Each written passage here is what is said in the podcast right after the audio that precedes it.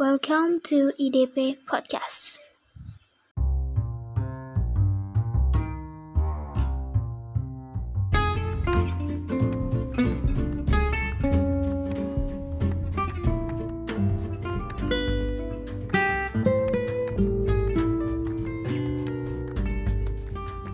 Assalamualaikum warahmatullahi wabarakatuh.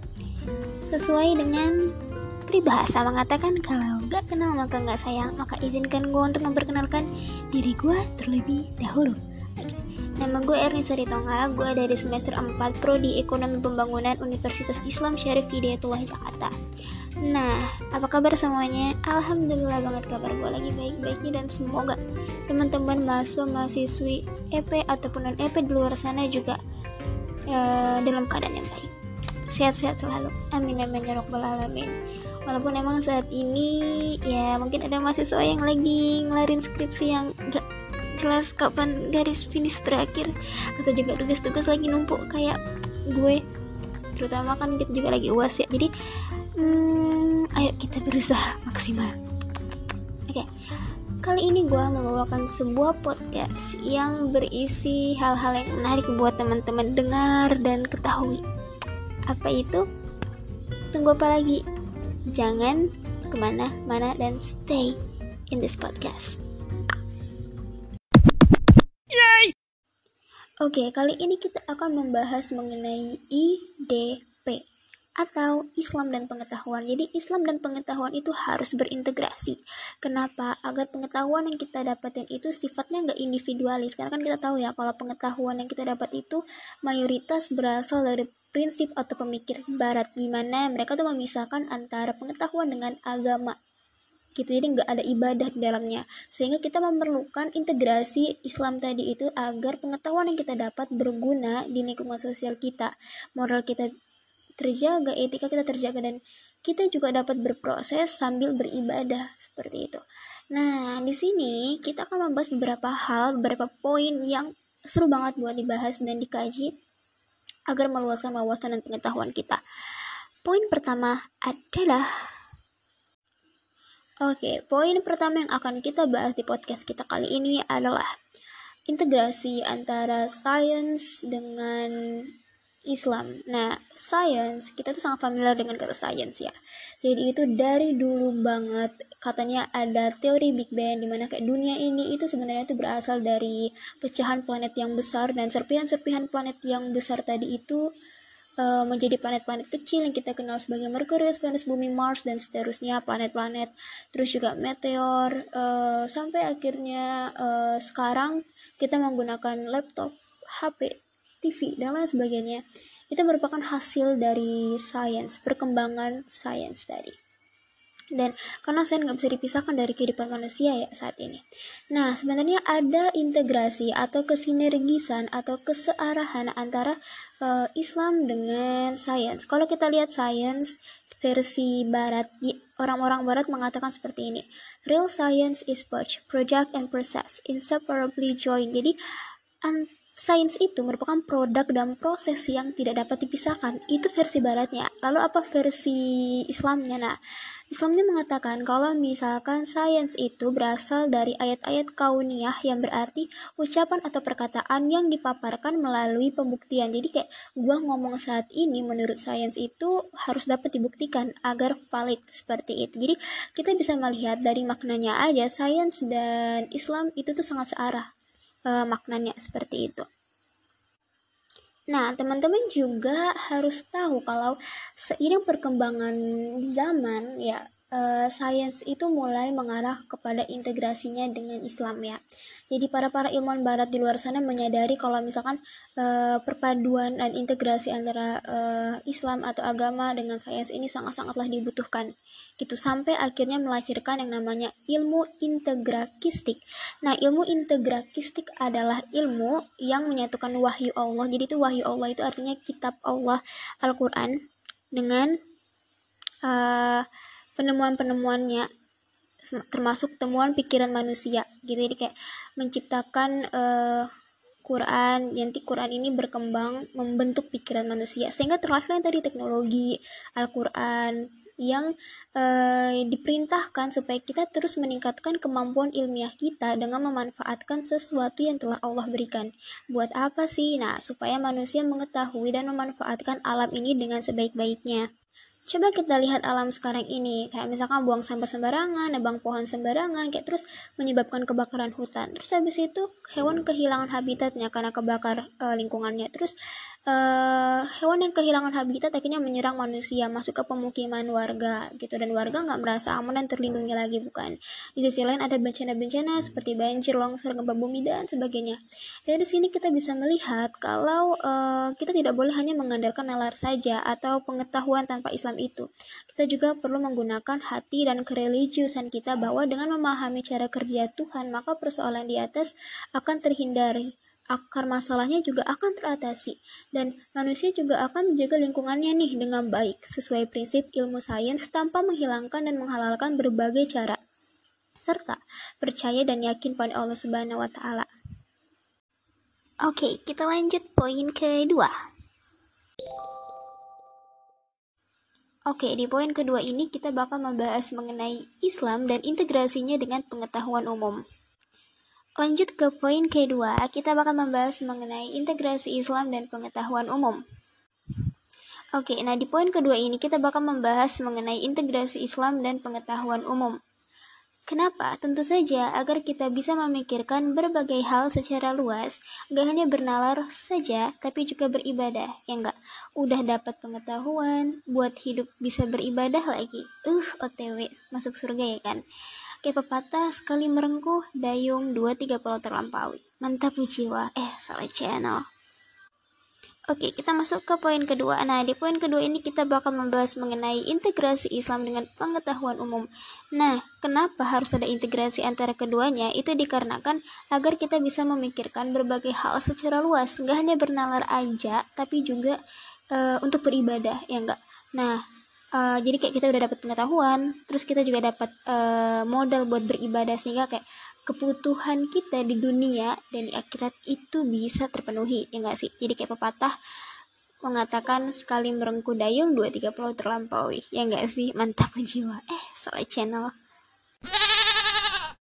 Nah, sebelum uh, ada integrasi antara pengetahuan dan agama ini, dulunya itu banyak yang mengatakan kalau antara agama dan ilmu pengetahuan itu terdapat distorsi atau bertolak belakang. Namun kenyataannya itu antara keduanya itu sebenarnya ada titik temu yang saling melengkapi dan menguatkan. Apa sih? Apa sih? Kepo nih. Nah, relasi ilmu pengetahuan dan agama itu tidak perlu dirisaukan dan bahkan menjadi suatu kebutuhan antara keduanya. Dalam kajian Islam, semua atau kebenaran itu berasal dari Tuhan. Nah, kebenaran agama berasal dari Allah yang kemudian kebenaran itu berwujud firman, ayat kauli, dan kebenaran ilmu pengetahuan, natural science, social science, human science, berwujud realitas empiris atau ayat kauni. Nah, hakikatnya itu kayak keduanya itu berasal dari Allah. Kayak gitu maka kebenaran keduanya itu tidak akan berbeda apalagi bertentangan. Nah jika dalam hal realitas empirik dan agama terjadi pertentangan itu maka ada dua kemungkinan nih. Pertama ilmu pengetahuan atau sains tadi dan agama itu belum menemukan kebenaran final jadi kayak masih dalam proses berkembang atau yang kedua adalah pemahaman manusia terhadap wahyu gauli itu belum menemukan pemahaman yang tepat sesuai ilmu Allah subhanahu wa ta'ala yang dimaksud. Seperti itu teman-teman. Nah, seperti yang gue katakan tadi, kalau sebenarnya uh, apa yang gue katakan ini menurut sains itu harus ada pembuktiannya. Nah, untuk membuktikan integrasi antara agama Islam dengan pengetahuan umum termasuk sains tadi, maka ada beberapa refleksivitas yang bisa dibuktikan, yaitu pertama, Nah, untuk pembahasan refleksivitas kita kali ini, ada tiga refleksivitas yang bakal kita bahas. Pertama, ada refleksivitas mengenai ibadah pada alam semesta. Yang kedua, refleksivitas syariah pada prodi gue, ekonomi pembangunan. Dan yang ketiga adalah refleksivitas Islam dalam universitas gue, UIN Syarif Hidayatullah Jakarta. Oke, nah, nah, nah. Untuk poin pertama, jadi refleksivitas ibadah pada alam semesta. Nah, dalam mengetahui ibadah versus alam semesta itu ada sebuah teori bernama dark matter atau dark energy. Jadi kenyataannya nih dalam tanda kutip sebenarnya faktanya selama dunia ada dan selama Adam terlahir di dunia hingga sekarang saat ini zaman modern ini manusia para jenius para ilmuwan dan siapa pun itu hanya menemukan satu persen bagian dari dunia matahari planet meteor makhluk hidup dan sebagainya. Lalu 100 dikurang 1 99% itu ke mana? Ya gak sih? Nah untuk itu seperti yang kalian tahu bahwa para ilmuwan di luar sana juga sebenarnya nggak tahu pasti apa sih sisa dari satu persen tadi atau 99% bagian di dunia ini. Misteri akhirnya bermunculan.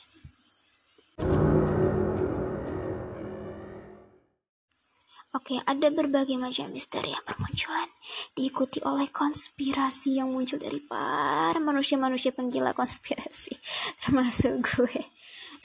Tapi kita yang bakal kita bahas kali ini ya, mungkin ntar aja ya, gue bahas tentang konspirasi mungkin kali ini kita bakal fokus kepada refleksivitas ibadah dan alam semesta. Tapi sebenarnya kenapa sih harus ada ibadah? Kenapa nggak yang lainnya? Gitu. Nah sebenarnya refleksivitas ibadah. Kalau kita belajar mengenai Islam dan pengetahuan ibadah itu menjadi poin utama dari pembahasan kita. Jadi itu ada modelnya 3 2 1 jadi kayak uh, Tuhan menciptakan uh, ibadah agar dilaku, agar dapat dilakukan manusia untuk berhubungan dengannya. Jadi sebagai perantara antara manusia dan Tuhan gitu atau sebagai jalan agar kita bisa masuk surga ataupun neraka tadi kayak gitu. Apakah manusia itu akan beribadah? Nah, itu tergantung dari manusia itu sendiri kayak gitu. Tapi Allah menciptakan sumber daya alam di dunia ini, di alam semesta ini agar manusia mau beribadah kepada Allah. Contohnya kita sebagai manusia kita butuh sumber daya alam untuk makan. Kayak gitu.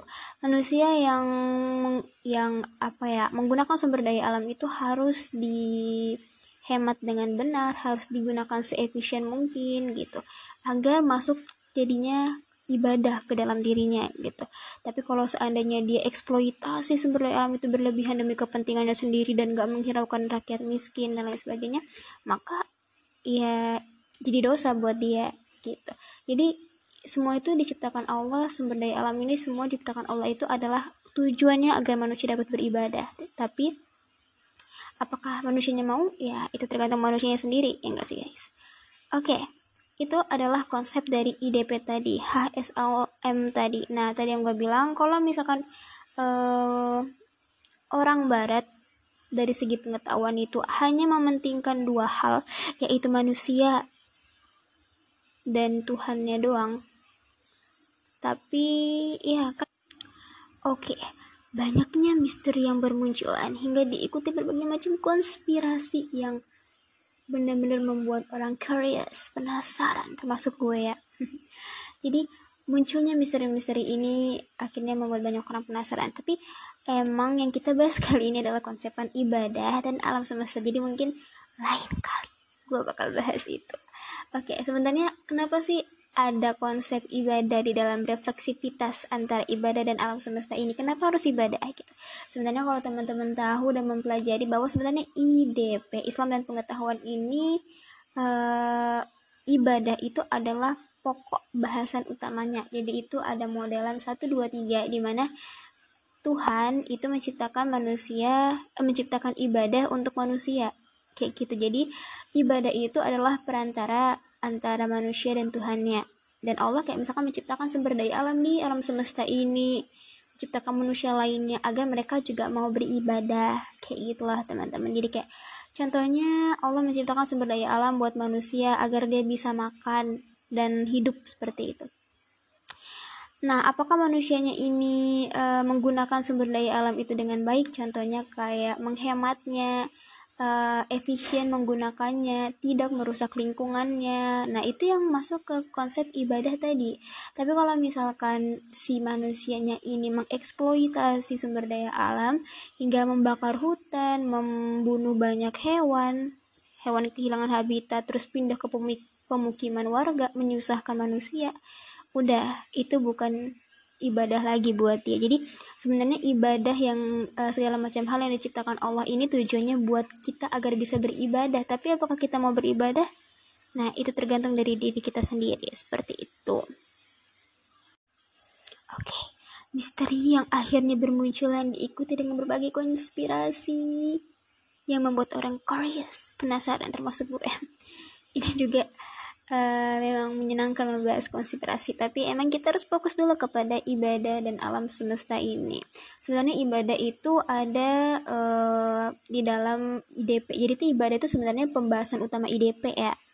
Jadi ada Tuhan menciptakan ibadah untuk manusia agar sebagai perantara antara Tuhan dan manusianya gitu. Seperti Tuhan menciptakan sumber daya alam alam semesta ini dengan sumber daya alam yang ada agar manusia mau beribadah kepada dia dengan cara apa contohnya gini sumber daya alam yang ada di dunia ini kayak misalkan uh, hewani nabati yang diciptakan oleh Allah Subhanahu wa taala termasuk juga barang-barang kebutuhan pokok kita Nah, itu bagaimana caranya manusia itu untuk menggunakannya? Apakah dia efisien menggunakannya? Tanpa merusak lingkungan, hemat menggunakannya dan mau berbagi dengan sesamanya. Nah, itu yang disebut dengan ibadah. Tapi kalau misalkan manusianya itu uh, kayak serakah gitu, kayak membakar hutan sembarangan, sampai eksploitasi sumber daya alam sembarangan dan gak menghiraukan manusia di sekitarnya. Nah, itulah yang dinamakan bahwa manusia itu meninggalkan ibadahnya. Jadi kayak ibadah itu sendiri uh, kayak sumber daya alam ini alam semesta ini diciptakan Allah agar manusia mau beribadah. Tapi apakah manusianya itu mau beribadah atau enggak? Itu kembali lagi ke manusianya. Kalau manusianya mau surga lah tempatnya. Kalau enggak ya neraka lah tempatnya. Oke. Okay. nah sebenarnya dark matter dan dark energy ini uh, jika seandainya manusia di bumi itu dibandingkan dengan ruang kosong di alam semesta misalkan kayak bumi, manusia, bintang, asteroid, planet, dan total itu nilainya itu hanya satu persen ya. Sedangkan ruang kosong itu 99% ini yang disebut dengan dark matter atau dark energy tadi. Nah jadi ada dark matter dan dark energy ya gak sih? Nah Nah, jika manusia di bumi itu dibandingkan dengan ruang kosong di alam semesta, manusia, bumi, planet, asteroid, apa pun itu hanya sekitar satu persen. Sedangkan 99 persennya itu adalah ruang kosong. Jadi itu dark matter ini itu sebenarnya itu kita nggak ngelihat, nggak ada wujudnya gitu loh. Tapi kita dapat merasakannya dari berbagai macam aktivitas uh, alam semesta kayak gitu. Itulah yang disebut dengan dark matter. Nah, apa hubungannya dengan ibadah? Jadi itu di dalam konsep HSLM itu ada rumus 472319. Oke. Nah, dalam 472319 ini kalau kita kurangin itu hasilnya adalah 1%. Kalau kita bagi 100% ya. Nah, 1% inilah yang kita sebut dengan manusia, hewan, tumbuhan, apalagi planet, dan sisanya sedangkan 100% dikurang 1% ini adalah uh, dark matternya kayak gitu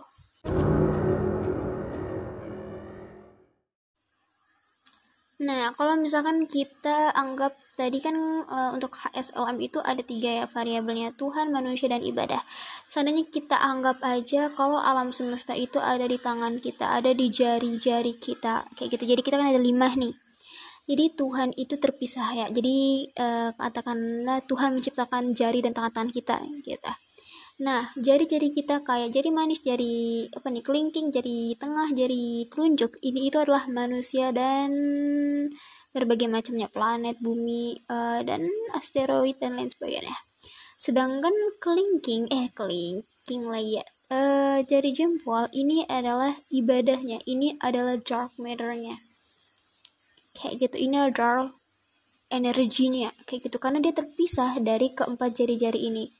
Kalau kalian rentangin keempat jarinya dengan keempat jari kalian dengan jari jari-jari jari jempol kalian maka terdapat jarak di antaranya.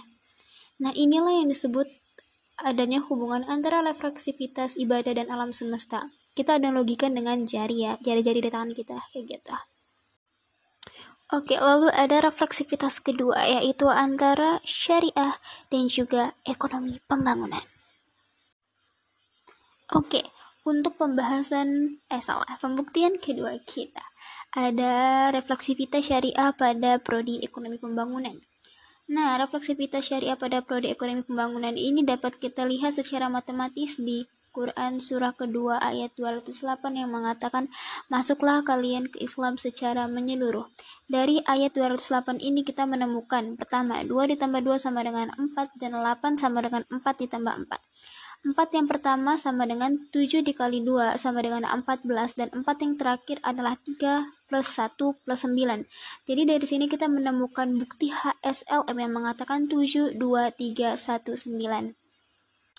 Sehingga kita dapat meyakini bahwa 472319 atau rumus HSLM ini adalah dasar teori untuk perkembangan ekonomi pembangunan. Jadi kayak hubungan HSLM dengan EP itu sama dengan kafah karena HSLM dan EP itu sama-sama menyeluruh. Selanjutnya kita masuk ke uh, pembahasan ketiga kita yaitu refleksivitas Islam dalam UIN.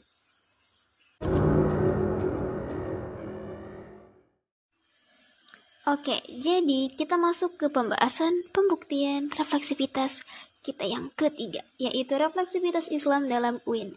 Nah, jadi itu sebenarnya semua sains atau pengetahuan yang ada di barat itu semua itu sudah melepaskan unsur agamanya. Kenapa? Hmm, entahlah, mungkin juga karena sebelum Renaissance atau masa Barat itu mulai bangkit, masyarakat Eropa itu mulai bangkit. Jadi itu sebelumnya itu ada yang namanya revolusi gereja deh kalau nggak salah. Jadi kayak semacam uh, para pendeta atau pemuka-pemuka agama itu sangat mengkerdilkan rakyat miskin dengan mengeluarkan berbagai macam contohnya kayak surat indulgensi kayak gitu ya. Jadi mungkin masyarakat saat itu nggak percaya lagi sama yang namanya agama. Itulah kenapa sains itu diibaratkan sains di barat itu lepas dari unsur agama. Seperti itu. Apa akibatnya? Ya akibatnya ya tadi ibadah dan agama itu dalam pengetahuan barat itu hilang. Sedangkan saat ini barat sudah maju dan banyak masyarakat udah kayak mulai menggunakan materi-materi atau teori-teori yang diambil dari barat. Sehingga kalau kita nggak belajar IDP dengan baik maka kita hanya bisa menyerapnya tanpa bisa punya kesempatan untuk memasukkan unsur-unsur agamis yang lebih bermoral beretika dan mendorong kita untuk masuk surga gitu. Jadi sangat beruntunglah kita bisa mempelajari IDP dan mendengar podcast ini sekarang ini. Yay! Yay! Nah, nah, nah. Di dalam uh, refleksivitas Islam dalam UIN, jadi karena adanya pemisahan itu, maka ada beberapa universitas yang um, mulai mengintegrasikan pengetahuan-pengetahuan umum yang ada itu dengan Islam seperti itu.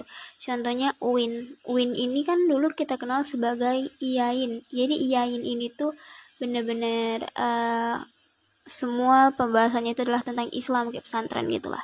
Tapi dengan adanya integrasi antara ilmu pengetahuan dan Islam maka terbentuklah UIN nah UIN ini itu contohnya kita bahas mengenai perbankan.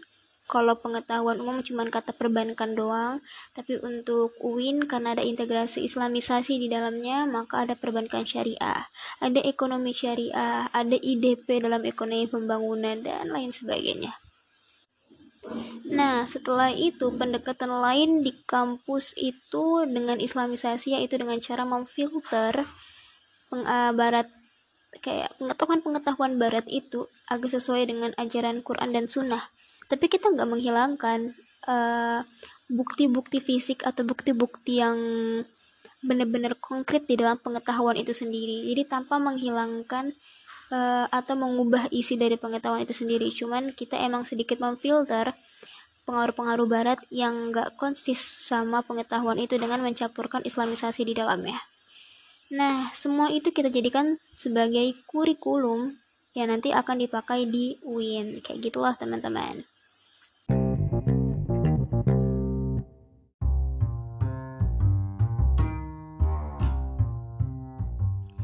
Nah, itu dia tadi berbagai macam pembahasan kita seputar Islam dan pengetahuan dan Islam integrasinya dengan pengetahuan umum termasuk juga science tadi dengan berbagai macam refleksivitas yang membuktikannya kayak gitu. Oke, itu dia pembahasan kita seputar Islam dan pengetahuan di mana ada integrasi antara Islam dan juga pengetahuan umum termasuk science dengan berbagai macam pembuktiannya atau refleksivitasnya yang tadi kita bahas sebelumnya. Nah, di sisi lain, kita juga mendapatkan berbagai pengetahuan kalau sebenarnya oh dan teguran juga nih ya. Kalau sebenarnya sebagai seorang manusia, terutama kita yang beragama gitu, terutama kita yang muslim.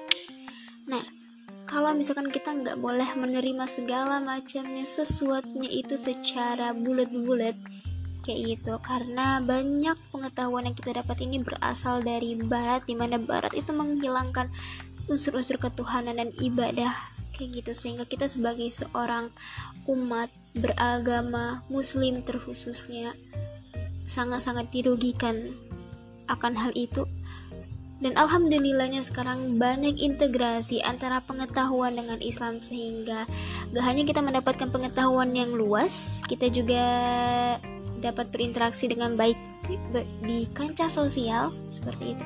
Tapi kita juga mendapatkan apa ya bentuknya? Mendapatkan sedikit bonus yaitu ibadah. Nggak sedikit itu mah besar ya kalau ibadah. Ibadah agar kita bisa masuk surga sebagai orang muslim pasti itu adalah hal yang benar-benar besar manfaatnya buat dia termasuk gue hmm, semoga gue masuk surga. Amin.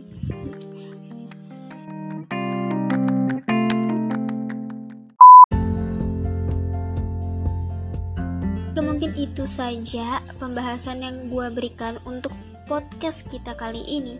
Dan gue berharap semoga teman-teman bisa mengambil hikmah dan menjadi pribadi yang lebih baik lagi ke depannya setelah mendengar podcast gue kali ini. Terutama menjadi lebih baik lagi ibadahnya. Um, mungkin itu doang yang bisa gue katakan. Ya mungkin sekian dari gue kapan-kapan kita jumpa lagi. Gue pamit undur diri dan thank you banget sudah mendengar podcast gue kali ini. Mohon maaf jika ada kesalahan. Mohon maaf lahir dan batin. Oke okay. terima kasih banyak Wassalamualaikum warahmatullahi wabarakatuh.